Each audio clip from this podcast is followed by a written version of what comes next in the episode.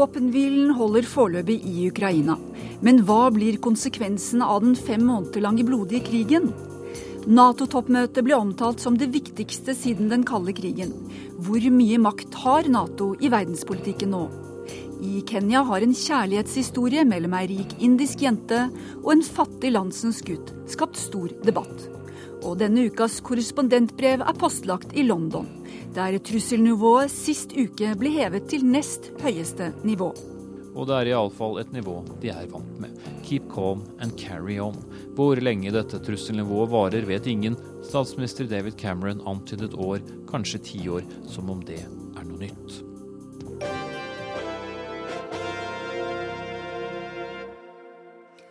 Velkommen til Verden på lørdag. Jeg heter Inger Marit Kolstadbråten.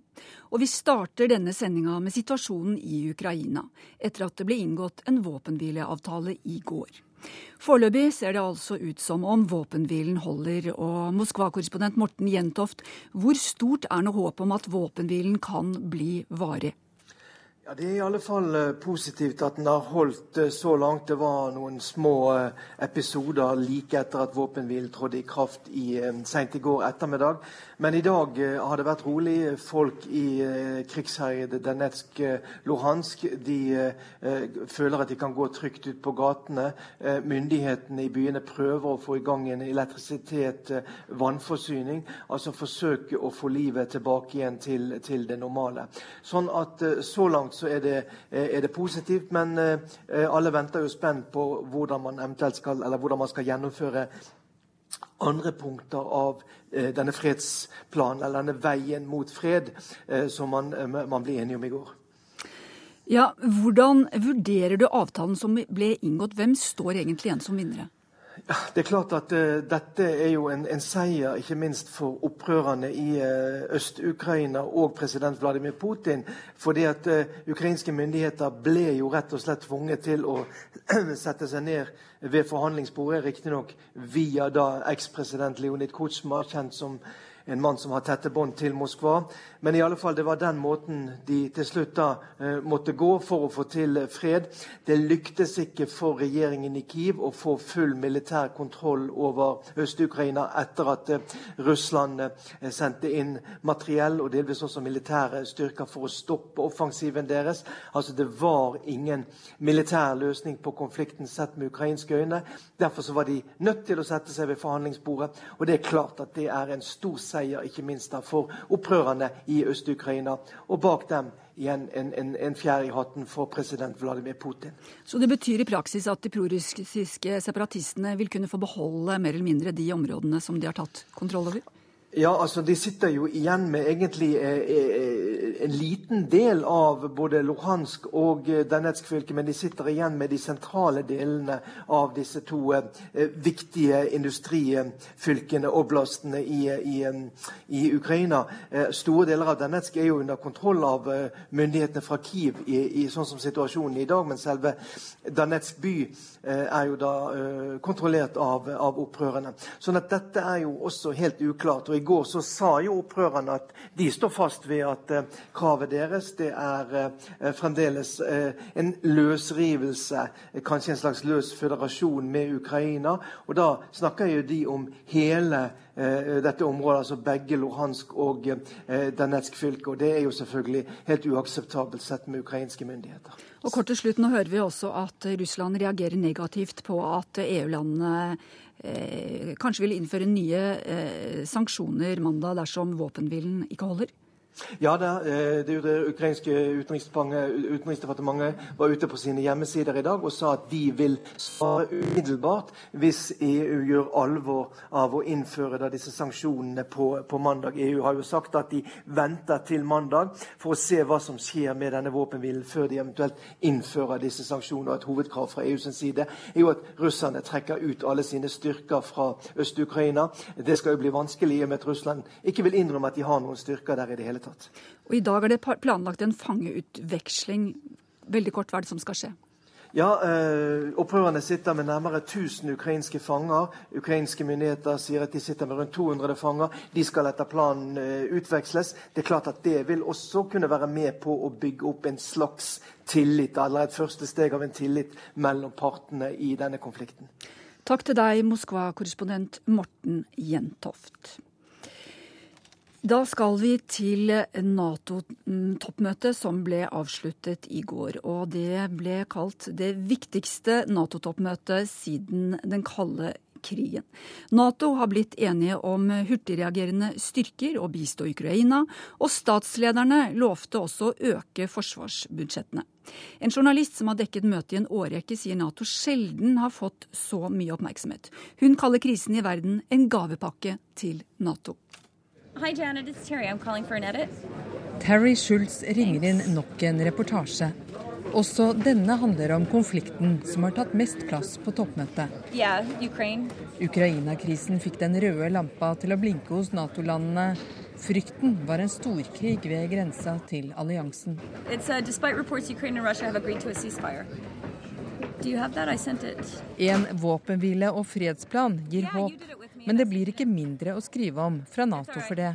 You know, many people have said NATO's been given a gift with the resurgent conflict in its east, and in some ways that's true. That's true. We're all paying attention to NATO. We're all asking what NATO can do, and NATO has a chance to reinvent itself as it has to meet this challenge. Mange sier at Nato har fått en gavepakke. Alle ser til Nato nå og spør hva de kan gjøre.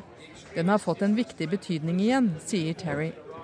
Hun kjenner alliansen ut og inn etter å ha dekket den for amerikanske The Global Post i en årrekke.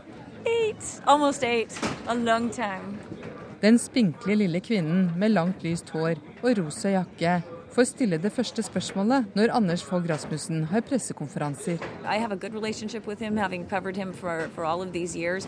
And um, I ask him hard questions. I, he always he's told his aides that he looks to me to ask hard questions, and he considers it a sport to be able to answer. Jeg har et godt forhold til ham og stiller tøffe spørsmål. Han tar det som en utfordring, sier hun. Fortsatt et sterkt Nato i en farlig verden var overskriften når Anders Fogh Rasmussen skulle oppsummere møtet. Men selv om de ble enige om nye styrker, var det også mange runde konklusjoner.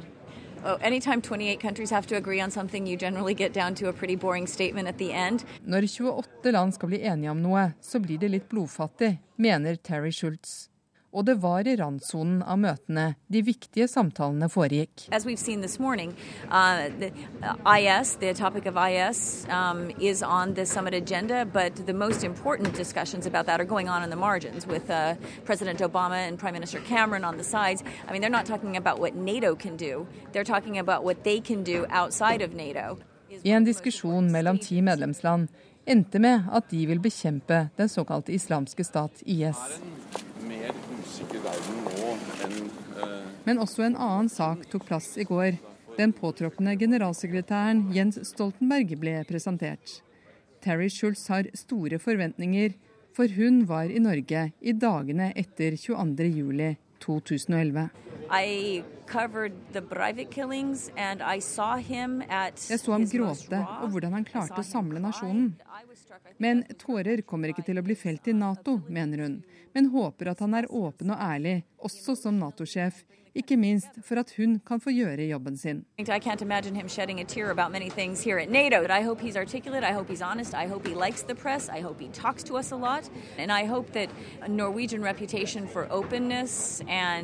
Transparency um, comes down with him from Oslo. Europakorrespondent Åse Marit Befring var ansvarlig for denne saken. Sverre Lodgaard, du er eh, seniorforsker ved Norsk utenrikspolitisk institutt. Og vi hørte her en journalist som har dekket Nato i en årrekke, kaller krisene i verden en gavepakke til Nato. Hvor mye makt vil du si at Nato har i verdenspolitikken nå? Det er jo i kriser og spente situasjoner at eh, forsvarsallianser eh, har sin besøkelsestid. Og I Europa spiller jo Nato en, eh, en, stor rolle og etablerer seg altså nå eh, med et sterkere nærvær, kontinuerlig nærvær, i, Øst-Europa. Men i Midtøsten er jo lærdommene uh, gjennom mange år at uh, stormaktene kan ikke få utrettet noe særlig hvis sterke krefter i regionen setter seg plent imot. Altså, De kan ikke trumfe de sterke regionale interessene, heller ikke med militær makt, som da ofte virker uh, negativt. det er den generelle lærdommen. så får jeg jo tilføye at det er ingen lærdom uten unntak, dette her heller. Du skal være med videre i sendinga, men først så skal vi ha et uh, historisk tilbakeblikk på Nato-alliansen. Den dag måtte komme da vi sluttet oss sammen. 4.4.1949 ble Atlanterhavspakten undertegnet, og samarbeidet var begynt. 1949. Et Europa er på vei opp på beina igjen etter fem år med krig. Men i øst vokste fram en ny trussel. Et kommunistisk sovjetregime skaper frykt for hva som kan skje i åra som kommer. Under these circumstances, my country temporarily had to look for a greater measure of security under de nåværende forhold må mitt land se etter andre former for trygghet. Det sa utenriksminister Halvard Lange da han i 1949 var i Washington for å signere Natos stiftingsdokument. An attack against one i kjernen av Natos samarbeid sto artikkel 5. Et angrep på én er et angrep på alle. I åra som fulgte, kjølna det allerede kalde forholdet mellom USA og Sovjet ytterligere. Som et motsvar til Nato ble Warszawapakta inngått mellom Russland og flere naboland i 1955. Den kalde krigen skulle vare i flere tiår, men etter hvert skulle det gå den riktige veien. Vi må ha oss vekk! De må ha vekk! Det er tidlig fredag morgen en kald novemberdag i Berlin. Muren som deler Europa, faller sammen, bit for bit.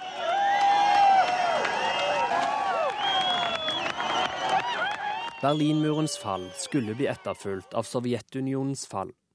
Og hatforholdet mellom Sovjet og Nato ble utover 90-åra omvendt til et slags samarbeid et Nato-Russlandsråd blir oppretta for å finne løsninger på uenigheter, og Russlands president blir invitert til toppmøter.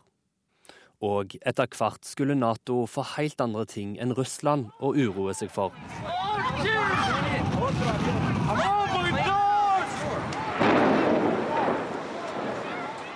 september 2001. Sjokket ligger som et lokk over Manhattan, medan flyet skaper ei enorm flammekule i World Trade Center-tårnet. USA er under angrep. Freedom itself was attacked this morning by a faceless coward. Make no mistake, the United States will hunt down and punish those responsible for these cowardly acts. Natos artikkel 5 blir for første gang en realitet. Alliansen er angripen, og det var en lang krig som skulle følge. I 2003 ble Nato-styrker involvert i Afghanistan, og Norge var blant bidragslandene. Også den dag i dag er det Nato-soldater i landet som fremdeles sliter med å bygge et demokrati. Libya, Bosnia og Jugoslavia er også steder hvor Nato har brukt sin militærstyrke til å prøve å skape fred. Men i dag i dag er det den gamle fienden som på ny vokser fram. Det har ikke vært verre siden den kalde krigen, sa generalsekretær Anders Fogh Rasmussen under åpninga av Natos toppmøte denne veka. Russlands annektering av Krimhalvøya og påvirknad i den ukrainske borgerkrigen har fått Nato til å kutte alt samarbeid. Og i Irak og Syria, der herjer islamistgruppa IS, som også får økt oppmerksomhet fra Nato.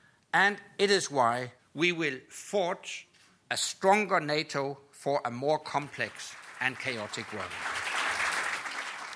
Og reporter her var Vegard Kjørom. Og Sverre Loddgaard, eh, USA eh, ønsker å få med seg ni andre Nato-land for å prøve å stoppe den ekstreme islamistiske gruppa, den islamske staten. Hvor viktig er det for USA? Det er viktig for å få koordinert innsatsene. Og det er viktig også for å avlaste eh, USA, eh, som har sine viktigste interesser andre steder. På den andre siden av kloden, altså i, eh, i Øst-Asia. Men så må man gå forsiktig frem, da, for ikke å gi IS en ekstra anledning til å mobilisere mot erkefienden. Det må ikke bli slik at det brygger opp til en stor kamp mellom, mellom Vesten og radikal islam. Eh, jeg mener det var nødvendig eh, å gripe inn eh, av USA med flystøtte til persmergaen fra Kurdistan og den irakiske hæren, sammen med dem for å slå tilbake IS' angrep mot, mot Erbil. Og dette vil være viktig formodentlig også i fortsettelsen, men det er ikke nok. Og det er veldig viktig samtidig å treffe de og ta de riktige politiske grepene. Men er det eh, militære virkemidler som er det viktigste for å slå tilbake IS, og ikke politisk? Ja, jeg vil si at eh, det viktigste er det politiske. Og det dreier seg om uh, sunniene i islam, i hvilken retning de går. Noen har jobbet med IS så langt, andre setter seg imot dem. Jeg ser at eh, IS formodentlig gjør akkurat de samme feilene eh, som Al Qaida gjorde rundt 2005. Eh, de hevder en ekstrem form for islam, de går frem med bestialitet, og de krever at alle opprørere skal underordne seg dem. Det førte i 06-07 til at sunniene, med støtte fra USA den gangen, bekjempet Al Qaida i, i Anbar-provinsen. Og man prøver naturligvis å få til noe lignende nå. Eh, det tror jeg er det aller viktigste. Du mener også at det er mye som tyder på at USA og Iran nå samarbeider om å bekjempe IS. Hva er det som tyder på det? Ja, jeg ser meldinger som uh, forteller meg at uh, de koordinerer uh, sine, sine, innsatser. De kommuniserer, men de gjennomfører for all del ingen felles aksjoner. For så langt har ikke tilliten mellom USA og Iran kommet. Men det er jo helt åpenbart at de i lang tid har hatt felles interesser i, i Irak i å bekjempe nå IS og å holde Irak samlet som stat. Men hvilken betydning har det internasjonalt at Nato og USA nå har så stort fokus på Ukraina og Irak? Ja, Igjen så må vi se på ledernasjonen i, i Nato, altså USA og USAs interesser. Eh, USA prøver å få europeiske land til å investere mer eh, i sitt forsvar. Prøver å få Nato kollektivt med på Eh, aktiviteter her og der eh, for at USA kan konsentrere seg desto mer om, om Øst-Asia og Kina. Det er jo slik at, for det er det viktigste for dem? Det er det viktigste, for det er jo land nummer to i det internasjonale makthierarkiet som er utfordringen, problemet, eventuelt fienden, og det er for USA og Kina. Takk skal du ha, seniorforsker Sverre Lodgaard ved Norsk utenrikspolitisk institutt.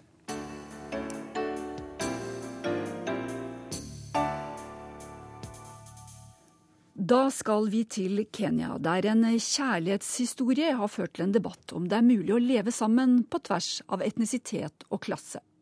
Hun er ei rik indisk jente som har trosset sin families vilje og valgt en fattig landsens gutt fra den etniske gruppa bokoso. Nå kjemper Sarika for å få lov til å gifte seg med sin Timothy.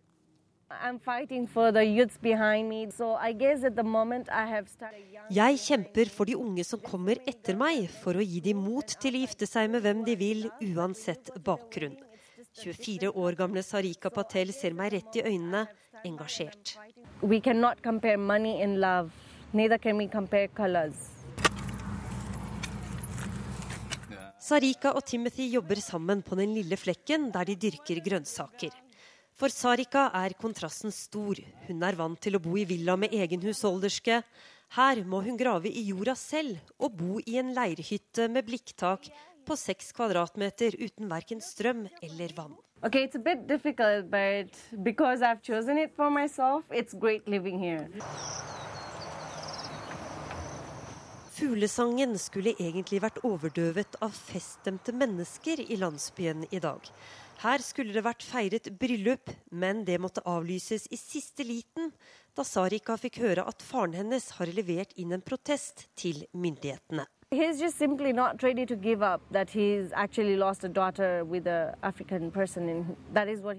Faren min kan ikke akseptere at jeg har forelsket meg en afrikansk mann med mørk hud, forteller Sarika. De kenyanske inderne har vært kjent for å holde døtrene sine for seg selv, helt siden de kom til landet på slutten av 1800-tallet for å hjelpe de britiske koloniherrene med å bygge jernbane. Men de er ikke alene om å tenke slik. Hele 95% av befolkningen i Kenya gifter seg innenfor sin egen stamme. So yeah. Midt i intervjuet invaderes den lille landsbyen av et nytt TV-team, denne gangen fra kenyansk fjernsyn. Journalisten Robert Wanyoni kan fortelle at hele nasjonen har engasjert seg i historien til Sarika og Timothy. The story is very big because uh, since uh, let's say like three weeks ago, since it many Kenyans have been following it up. Twitter, Facebook. Journalisten forteller at forholdet har blitt et symbol på at det er mulig for kenyanere å gifte seg på tvers av kulturelle og økonomiske grenser. I dag har reporteren med seg en offentlig tjenestemann som har overraskende nyheter. For han har ikke sett noen formelle protester mot bryllupet. Yeah, I'm so happy if there's no objection. I mean, it's just to be a great day for me. Yeah.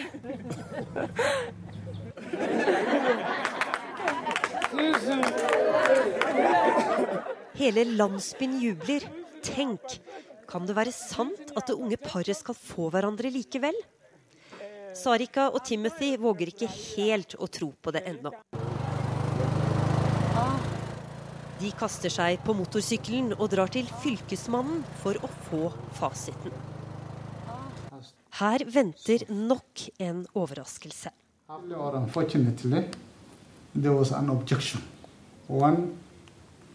By the wife of Timothy Fylkesmannen viser til et brev fra en tidligere samboer av Timothy.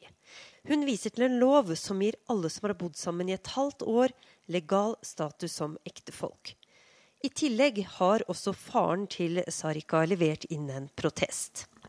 Fylkesmannen gir paret 91 dager på å løse flokene. Og vel hjemme igjen i landsbyen er Timothy klar på at han aldri vil gi opp drømmen om å gifte seg med Sarika. Kwangu Sarika ni kama yani ni kama ni, ni kwangu. For meg er Sarika det beste som har skjedd i mitt liv, sier Timothy. Og om det blir bryllup eller ikke, kan du finne ut ved å følge med på Twitter hashtag mybokosodarling. Og det var Afrikakorrespondent Kristine Presttun som hadde laget denne reportasjen.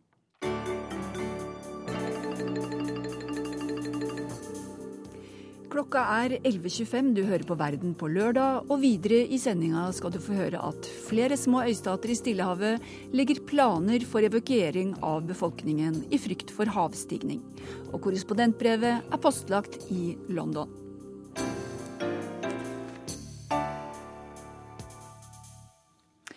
I Mexico blir myndighetene stadig mer voldelige, ifølge en fersk rapport fra Amnesty.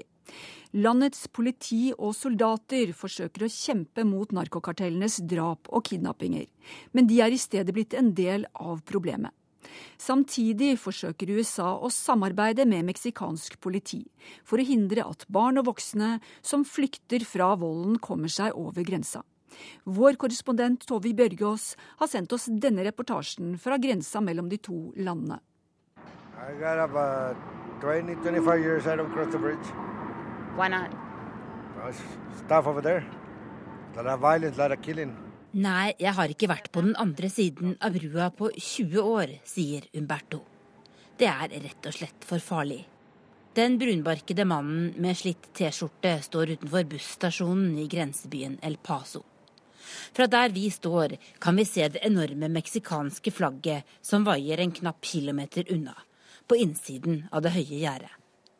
Juárez ligger her helt inntil USA, og har lenge vært en ekstremt voldelig by. Umberto ble født der, men flyttet altså til USA for mange år siden.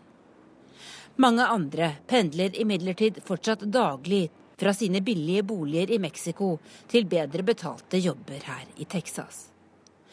Volden i Juárez var altså ekstrem for et par år siden, da krigen mellom narkokartellene var på sitt mest intense akkurat her på grensen. Nå er det roligere, men det betyr slett ikke at volden i Mexico har gått ned, understreker Crystal Massey, som er menneskerettighetsaktivist ved SAMI, Southwestern Asylum and Migration Institute. Go back to the beginning of the drug war in 2006 to now, you have well over 115,000 people that have been murdered, and you have another 30,000 people that have been disappeared. Fra 2006 til nå har 115 000 mennesker blitt drept i Mexico, forklarer Massey. Ifølge en fersk rapport fra Amnesty er det ikke bare kartellene i Mexico som utøver volden. Det gjør også i høyeste grad politiet. Antallet registrerte tilfeller av tortur har økt med 600% det siste tiåret. Og volden er ute av kontroll, ifølge Amnesty. Crystal Massey er enig. Yes, that, all of the serious investigations show that. How is this possible? Absolute impunity, no consequences, an attempt by the leadership in Mexico and the administration in Mexico to cover things up. Det får ingen konsekvenser å utøve vold, sier hun. Det er ikke bare Mexicos egen befolkning som ikke føler de kan stole på politiet. Det kan heller ikke alle migrantene som flykter gjennom landet fra narkovolden i Mellom-Amerika. Raices is a nonprofit, non-governmental organization that fills the gap left by the absence of any kind of public defender system. Jonathan Ryan leder Raices, som gir migrantbarn og familier som kommer til USA rettshjelp. It's no doubt that any child who has had to traverse Mexico has had to confront and avoid and deal with Mexican police in every way as much as they've had to confront with the criminal and uh, organized uh, drug cartels that are there in Mexico. There's very few children you're going to confront who have not had to pay bribes to policemen, who have not seen policemen literally turn the children over to organizations like the Zetas, who are unable to pay their bribes. Barna må betale bestikkelser til politiet i like stor grad som til kartellene. Politiet samarbeider også med kartellene mange steder, forklarer han. Det siste året har nærmere 60 000 barn kommet til USA gjennom Mexico uten foreldrene sine, for å slippe unna vold og fattigdom i Mellom-Amerika. Nå kommer det imidlertid færre men det er bare fordi USA og Mexico samarbeider om å stanse barna før de kommer til grensen, forklarer Jonathan Ryan. We've also heard stories that the American government has funded the Mexican government to have police round up children who are migrating up through Mexico and bring them to detention centers in southern Mexico. Right now, I think it helps people to think in the context of ISIS and the reporters that have been decapitated that were U.S. reporters recently. Crystal Massey mener det som skjer i Mexico kan sammenlignes med det IS driver med i Irak nå. I find it um, hard to stomach that when we share a border with Mexico, we have been ignoring the exact same type of violence that is being perpetrated there many times by governmental agencies, by federal police and the military, uh, often in collusion with cartels, and we ignore it. Fattigdom og stor ulikhet er noen av de viktigste grunnene til at folk drar fra Mellom-Amerika til USA i håp om et bedre liv. Det sier Alicia Barcena, som er sjef for FNs økonomiske kommisjon for Latin-Amerika, og denne uka ble utnevnt som æresdoktor ved Universitetet i Oslo. Latin America as a whole is one of the most unequal regions in the world. Might not be the poorest, but it's the most unequal. Latin-Amerika er en av regionene i verden der forskjellene mellom rike og fattige er størst. Det forteller Alicia Barcena, som jeg møter i Oslo. Hun er opprinnelig fra Mexico og utdannet biolog. Men nå er hun altså sjef i FNs økonomiske kommisjon for Latin-Amerika, og brennende opptatt av fattigdommen og ulikheten som preger mange av landene i regionen. In Honduras, you find that there, the extreme poverty of, of Honduras is very high. Almost, I would say, 80% of the population in Honduras is either Honduras er et av de fattigste landene, og rundt 80% av innbyggerne lever i ekstrem fattigdom, eller under fattigdomsgrensa, sier Barcena. Nettopp Honduras er landet som veldig mange forlater, fordi det finnes få eller ingen muligheter for jobb eller utdanning. The productivity of this region is very low. So what happens is either you don't find jobs, productive jobs, you still have a lot of young people that are not studying, neither working. Honduras er også et av verdens mest voldelige land. De ligger på verdenstoppen i antall drap per innbygger. Og de ekstremt brutale Maras-gjengene terroriserer store deler av landet. Gjengene opererer også i andre land i Mellom-Amerika. The other reason why people are migrating is because of violence. And I think uh, this is an, a very important question, and that is uh, the, the, the young people, let's say, they are getting out of the mafia system in a way. They don't want to be captured. Mange drar pga. volden, sier Barcena. De unge rømmer fra Maras-gjengene, som prøver å tvangsrekruttere og true dem, og som har tatt kontroll over hele bydeler og terroriserer befolkningen. I do believe that addressing the causes of poverty is one answer. I, I think it's a powerful answer. If people find themselves uh, that are getting out of poverty, that they are getting educated, that they are getting health, water, the basic needs, Barcena mener at å redusere fattigdommen er viktig for å stoppe flukten fra landene i Mellom-Amerika. Hun viser til at bl.a. Nicaragua har satset på sosiale programmer, skattereform og utvikling. Derfor er det få som forlater Nicaragua med kurs mot USA. The Nicaraguan, uh, I would say, strategy for development has been very successful. Onsdag møtte hun utenriksminister Børge Brende, og hun mener Norge kan gjøre mye for å hjelpe landene i Mellom-Amerika. I think Norway is a very important partner for Latin America in general. First, because this is a country of great values in terms of, I would say, of a social pact Norge er et land uten store økonomiske forskjeller og kan bidra mye til å redusere fattigdommen i Mellom-Amerika, sier Barcena. Norway has a commitment, a very forceful commitment to end poverty by 2030. And this is also a commitment of Latin America. But to be able to do that, we really have to work very hard. And I think Norway can help us enormously.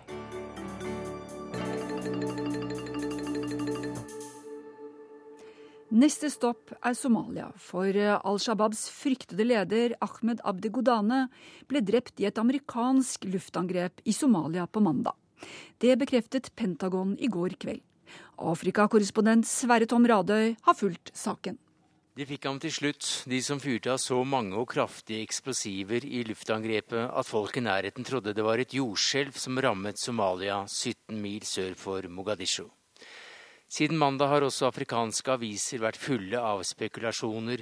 Var han død? Nei, han forlot følget som ble truffet bare sekunder før det smalt. Jo visst ble han drept. Al Shabaab ville bare velge en ny leder før det innrømmes. Han lever, dette er bare Pentagon-propaganda. Pentagon selv sier det tok fem år med møysommelig etterretningsarbeid før det lykkes. USA vurderte Godame som en av verdens farligste terroristledere. Prisen på skalpen til denne mannen som tok ansvaret for angrepet på kjøpesenteret Westgate i Kenya for snart et år siden, ble satt til hele 40 millioner kroner. God dame omorganiserte Al Shabaab fra en hær på defensiven til en dødelig offensiv gerilja. En habil poet, fremragende folketaler og en av verdens mest fryktede terroristledere er stikkord i ettermælet, med fartstid i Sudan, Afghanistan og Pakistan. Godane var nådeløs. Han ryddet unna konkurrenter om lederjobben. Noen overlevde. Forstå seg på å stride som hva hans brå bortgang betyr, og noen vil se beviser før de aksepterer at han har drept sitt siste offer. Det kan komme raskt om det er riktig at amerikanske helikoptre fikk med seg likrester etter angrepet. Men de fleste hevder at dette er et hardt slag mot bevegelsen. Noen at intern maktkamp vil bli opprivende, sågar begynnelsen på slutten, mens andre roper varsko og mener dette gjør vondt verre. Den anerkjente sørafrikanske avisen Mailing Guardian ser faren for at sjefens død fører til ytterligere radikalisering og fremveksten av en enda mer dødelig utgave av Al Shabaab. Avisen viser til at Godane radikaliserte, brutaliserte og effektiviserte Al Shabaab da han kom til makten etter at forgjengeren ble drept i 2008 i et luftangrep signert Pentagon.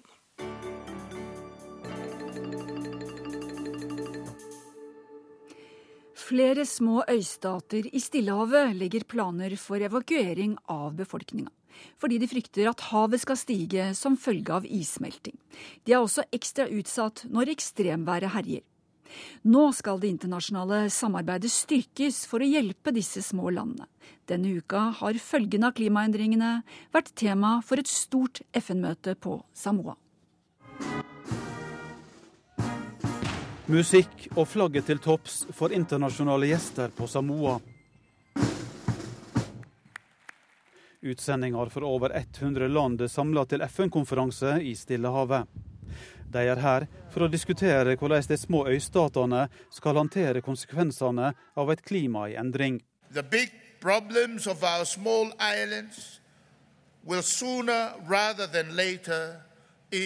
De store problemene vi opplever her, vil før, heller enn senere, gjøre seg gjeldende på en eller annen måte i alle land, uavhengig av utviklingsnivå eller velstand.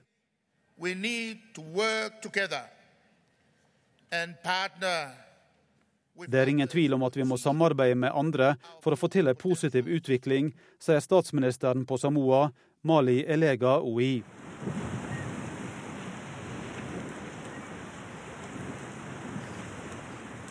Små øyer, et enormt hav. Mange øyer strekker seg bare to meter opp. Folket her har levd med havet i alle år, men de er redde for konsekvensene det kan få dersom havet stiger mer, og dersom det blir mer ekstremvær i tida som kommer. De er ekstra utsatte i vind og uvær. Flere steder planlegger de evakuering fra øyer som de frykter nærmest skal bli vaska vekk. FNs generalsekretær kom til Samoa med en oppfordring til oss alle til å endre det han kaller en lite bærekraftig levemåte, og å ikke lenger bare holde fram som før. We need to transform our unsustainable consumption and production practice and patterns and our business as usual mindset. The diverse coalition of small island nations Gruppa av små øystater representerer et område som er i front når det gjelder det å oppleve klimaendringene helt konkret, og når det gjelder utfordringene med å skape en bærekraftig utvikling. Men de er også i fremste rekke i arbeidet med å skape banebrytende løsninger som hele verden har bruk for, sa Ban Ki-moon. Det må samarbeid og godt lederskap til for å takle klimaendringene og å skape en bærekraftig utvikling, la han til.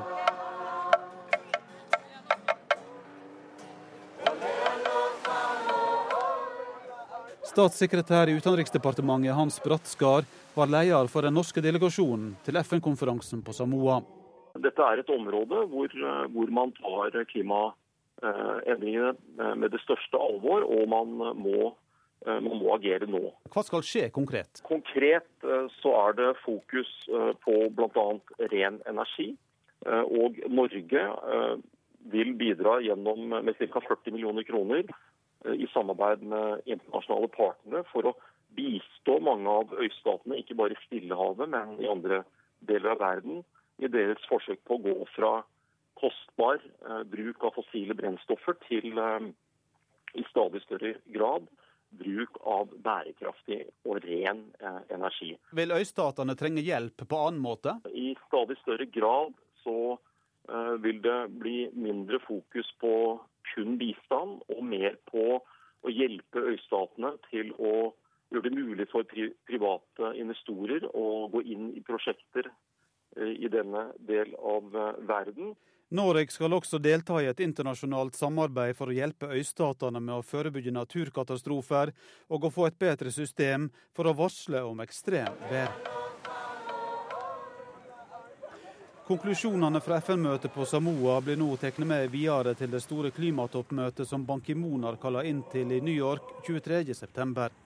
Der blir ledere fra hele verden utfordra til å forplikte seg til å fortelle hva de vil gjøre. Og reporter her var Eivind Molde.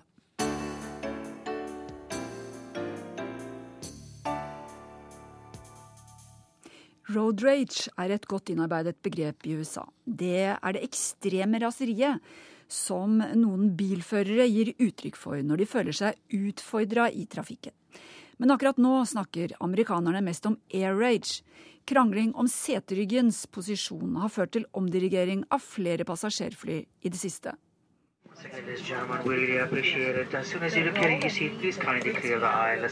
Flyverten gjør sitt beste. Men det er jo ingen som gidder å høre på hans oppfordring om å vise hensyn til de andre om bord, og flytte seg innover seteraden slik at andre kommer forbi, eller bidra til at alle får plass til håndbagasjen sin. Alminnelig høflighet ser ut til å minke i takt med avstanden mellom seteradene, og jo trangere det er mellom seteradene, jo større er faren for å få en medpassasjer litt tettere inn på deg enn du skulle ønske.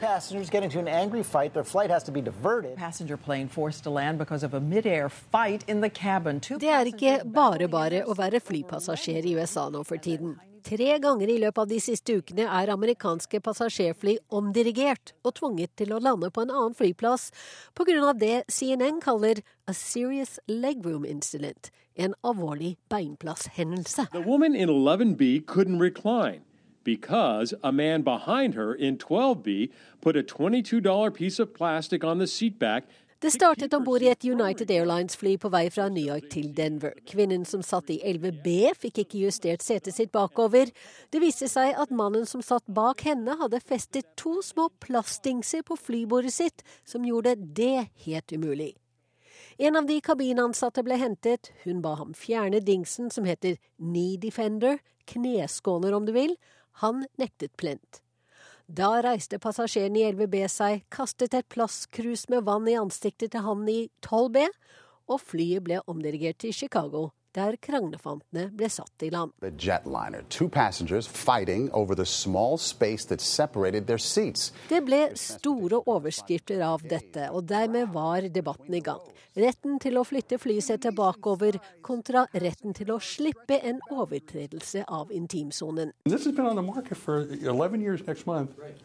Mest grunn til å være fornøyd er oppfinneren av den såkalte kneskåneren Ira Goldman. Salget av The Knee Defender har ikke akkurat vært noen gullgruve før nå. For med all den gratisreklamen han har fått, er etterspørselen så stor at websiden krasjet forleden. Og Goldman, som måler 1,90 på sokkelesten, forsvarer plastingsene sine. Knee defenders aren't about getting more space. They're about stopping something from moving and hitting you.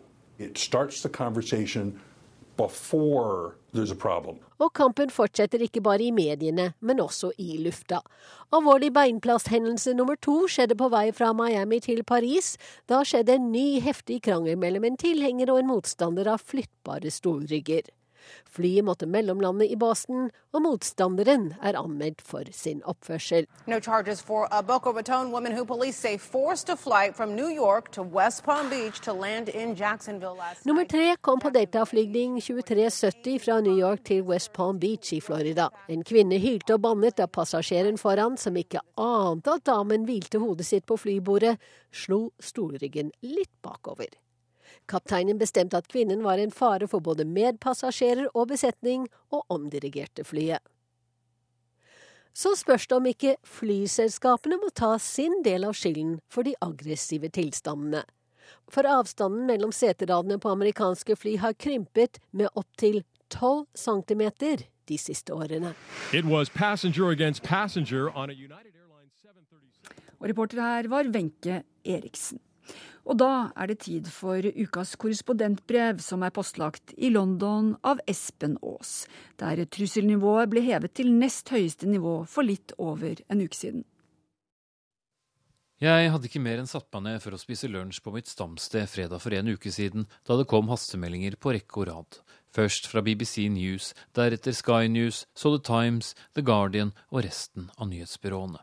Trusselnivået er hevet til nest høyeste nivå, var meldingen, og jeg trengte ikke lese neste setning for å gjette meg til hvorfor. Det er frykten for angrep fra den islamistiske gruppen som har utropt seg selv til den islamske stat.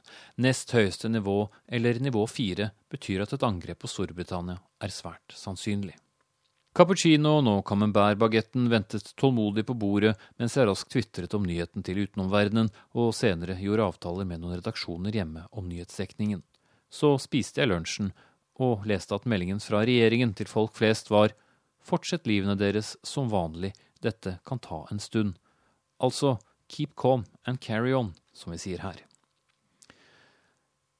Gjennom helgen og den påfølgende uken har alt vært som det pleier. Markedene i sentrum var proppet som vanlig, tuben, bussene og togene likeså.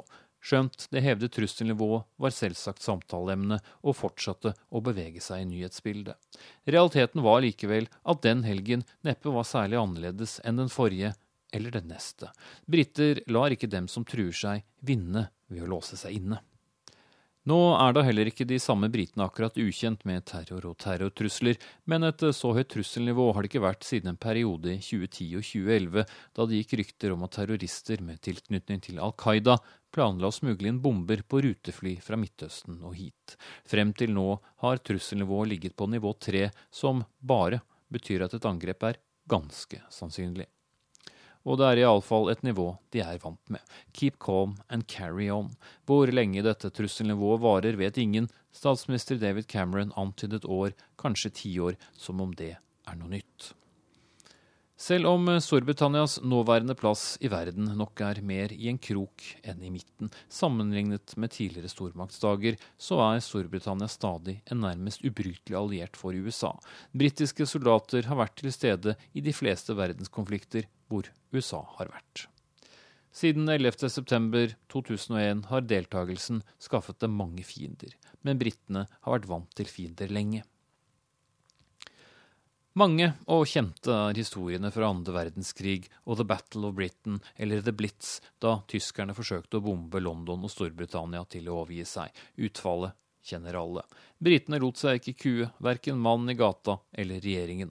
De sto krigen av, og livet ble roligere. Det var også den gangen regjeringen produserte millioner av plakater med påskriften 'Keep calm and carry on', som skulle motivere folk under angrep, men de ble aldri delt ut, og er i dag mest en suvenir. Men er også en riktig betegnelse på hvordan briter takler kriser og terror. Etter andre verdenskrig var det relativt fredelig, mens det britiske imperiet sakte smuldret opp så fra slutten av 60-tallet skulle nye tiår med trusler og terrorfare begynne. I 1970 og 71 herjet den radikale anarkistgruppen The Angry Brigade, en antiamerikansk gruppe som plasserte ut til sammen 25 små bomber for å få maksimal mediedekning. Det handlet heldigvis mest om materielle skader. Kun én person ble skadet av denne såkalte sinte brigaden. Langt mer alvor ble det i årene som fulgte. De mange årene som fulgte. De kalles bare The Troubles i britisk historie. Det handler selvsagt om konflikten i Nord-Irland, som jo til stadighet spredte seg til England. Forskjellige fraksjoner innenfor den irske republikanske hær, IRA, blåste av en rekke bomber gjennom over 30 lange år. Det kostet mange menneskeliv. Den siste aksjonen var så sent som i november 2001. Så har det vært stille siden. Jeg husker hvor rart det var da søppelkassene kom tilbake til London sentrum, noen steder så sent som i fjor høst. Da jeg bodde i London for første gang, på 90-tallet, fantes det nemlig ikke en eneste en inne i sentrum, av frykt for at nettopp IRA ville plassere bomber i dem. Det samme gjaldt inne på tog- og tubestasjoner. Du måtte ta med deg søppelet hjem, eller slippe det rett ned på gaten, så kom renovasjonsarbeiderne etter hvert og plukket opp etter deg. Det var en egen lukt over London på den tiden, for ikke å snakke om mange fete rotter. Keep calm and eat litter. Rett før jeg flyttet hit til London for første gang i 1996, hadde IRA nettopp blåst av 1500 kilo med sprengstoff i Manchester og skadet over 200 personer. Året etter laget de et enormt togkaos da de satte av to mindre bomber nær en linje. Så det var bare å venne seg til å bo i et terrormål. Det betød ofte stengte togstasjoner pga. innringte bombetrusler eller andre former for sikkerhetsalarmer. Folk trakk ofte på skuldrene, fant i stedet en buss eller bare ventet. Dette var dagliglivet. Keep calm and carry on. Selv etter langfredagsavtalen fra 1998 glimret søppelkassene med sitt fravær, og det ble ikke fritt for angrep fra utbrytergrupper fra IRA heller, selv om det var et par rolige år iallfall fra den kanten, men særlig ro var det ikke. Våren 1999 gikk bombealarmen her igjen. Selv skulle jeg snart flytte til Norge da, men rakk å oppleve den såkalte spikerbombemannen, en neonazist som hatet innvandrere og homofile så intenst at han gjorde hva han kunne for å drepe og lemleste dem gjennom tre hjemmelagde spikerbomber som gikk av over tre helger. Alle tre på steder jeg og mange av mine venner ofte var forbi. Noen var også i nabolaget da den siste ble sprengt, hvor tre personer døde og 79 ble skadd. Mannen bak bombene kan tidligst løslates i 2049. London falt også da raskt tilbake til sitt vanlige gjenge. 7.07.2005 er en dato alle briter husker, da fire islamistiske selvmordsbombere tok livet av 56 mennesker og skadet 700 ved å utløse sin dødelige bagasje på tre tubetog og en buss. Jeg bodde ikke her den gangen, men var kveldsvaktsjef hjemme i Dagsrevyen, og husker en kveldsvakt blandet av beskjeder til og fra venner og til og fra reportere som dekket angrepet. Nok en gang ble londonerne berømmet for sin ro og evne til å hjelpe hverandre når ting så som mørkest ut. Bombene har laget dype arr hos mange, men på et vis kom byen og landet seg tilbake til carry on-modus også da, for en stund. Jeg trasket bare for noen dager siden opp alle de 175 trappetrinnene opp i dagslyset fra undergrunnsstasjonen Russell Square og tenkte på nettopp de 26 ofrene som mistet livet sitt omtrent der. Terroren tar sjelden lange pauser i Storbritannia. Det merket jeg den siste helgen i juni 2007, da jeg skulle besøke gode venner i den vakre engelske kystbyen Bournemouth. Avreisedagen min ble trusselnivået hevet til nest høyeste nivå etter funnet av to bilbomber i London sentrum. De ble desarmert, men det var nærmest slått en jernring rundt hovedstaden, og et trafikkaos av en annen verden ventet, som om ikke fredagstrafikken er ille nok til vanlig ut av London. Jeg sto i kø og ventet på plass på en bussekspress ved Heathrow, mens den ventende middagen hos vennene mine sakte gled over til å bli sen kveldsmat. Mens jeg stresset meg opp, sto britiske medpassasjerer og ventet med stoisk ro. Ingen grunn til bekymring, du kommer frem, bare litt senere, sa busselskapets representant da jeg stresset meg opp. Så hvis jeg kunne gå tilbake til plassen min i køen? Keep calm and carry on. Dagen etter var det terroranslag på den lille Glasgow-flyplassen i Skottland. To terrorister forsøkte å krasje en jeep full av propan inn i terminalbygget. Bilen ble stanset av politi. Terroristene fortsatte likevel å løpe mot terminalen i full fyr, men de regnet ikke med en skotte ved navn John Smeaton, som visste et og annet om å keep calm. Han jobbet som bagasjesjauer, og da han hørte bråket i en røykepause, la han på sprang og så den ene terroristen i et flammehav slåss med alle rundt seg. Smiten ropte 'fucken på sin tjukke Glasgow-dialekt og ga terroristen et solid ballespark og satte ham ut av spill. Senere på ettermiddagen så vi på nyhetene og så denne Smiten bl.a. bli intervjuet av en ung reporter fra BBC som på sitt perfekte byengelsk spurte om hva som hadde skjedd, og på sin like tjukke Glasgow-dialekt fortalte han det og reporteren spurte da hvilke tanker han hadde hatt i hodet da alt dette skjedde. Smeaton målte henne med blikket og svarte hva som gikk gjennom huet mitt, var at jeg måtte hjelpe politimannen, kunne jo ikke la disse gutta komme seg unna med det. Som om det var det naturligste ting i verden å gyve løs på en desperat terrorist som var dekket av flammer fra topp til tå. Keep calm and carry on, og ikke tull med skotter. Så når kommer det neste terrorangrepet her på britisk jord? Det vet vi jo ikke. Kanskje får vi vite om noen angrep som blir avverget, slik vi allerede har fått vite et par ganger det siste året. Men inntil da går den britiske hverdagen og det hektiske London-livet videre. Men med enda noen ekstra bevæpnede politimenn på flyplassen eller togstasjonen, og en internettrafikk som overvåkes enda litt nøyere, og kamerabagen min sjekkes nok også litt nøyere neste gang jeg skal inn i et departement og enda flere sikkerhetskameraer blir montert opp. Og enda litt mer av privatlivet forsvinner. Sånn må det bare være, sier de som passer på. Ja, og så sier de altså keep calm and carry on. Og det sa korrespondent Espen Aas i London. Dette var siste verden på lørdag i dagens innpakning. For neste lørdag blir det nye toner.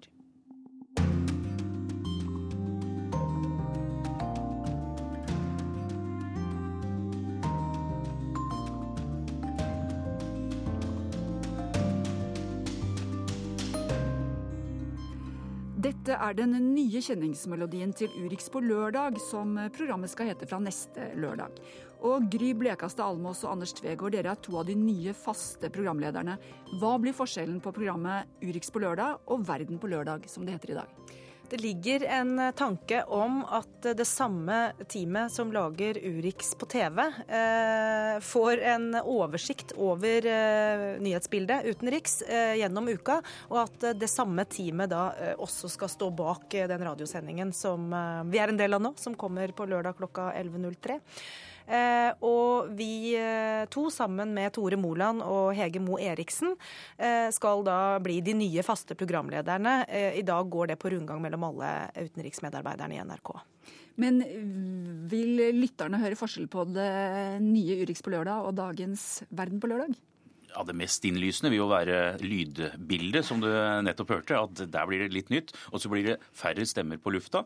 Men det kommer til å være samme redaksjon som eh, drar lasset. Og i tillegg så får vi jo to nye korrespondenter fra nyttår å spille på, i Berlin og de vestlige delene av eh, Asia.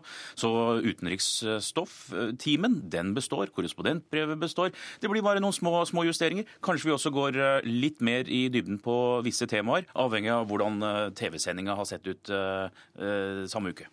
Dere to er jo også tidligere korrespondenter, Anders i USA og du i London. Hvordan vil det prege sendingene?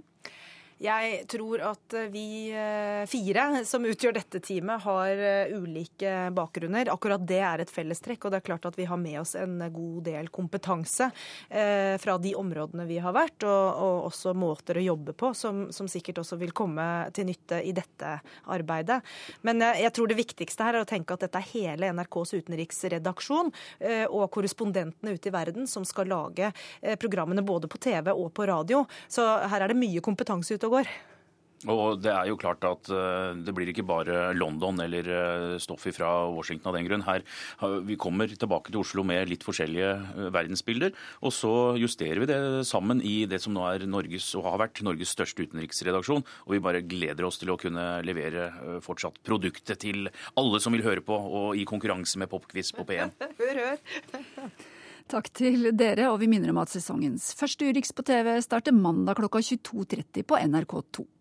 Teknisk ansvarlig var Karl Johan Rimstad, skript Tove Søtorp, og jeg heter Inger Marit Kolstad Bråten.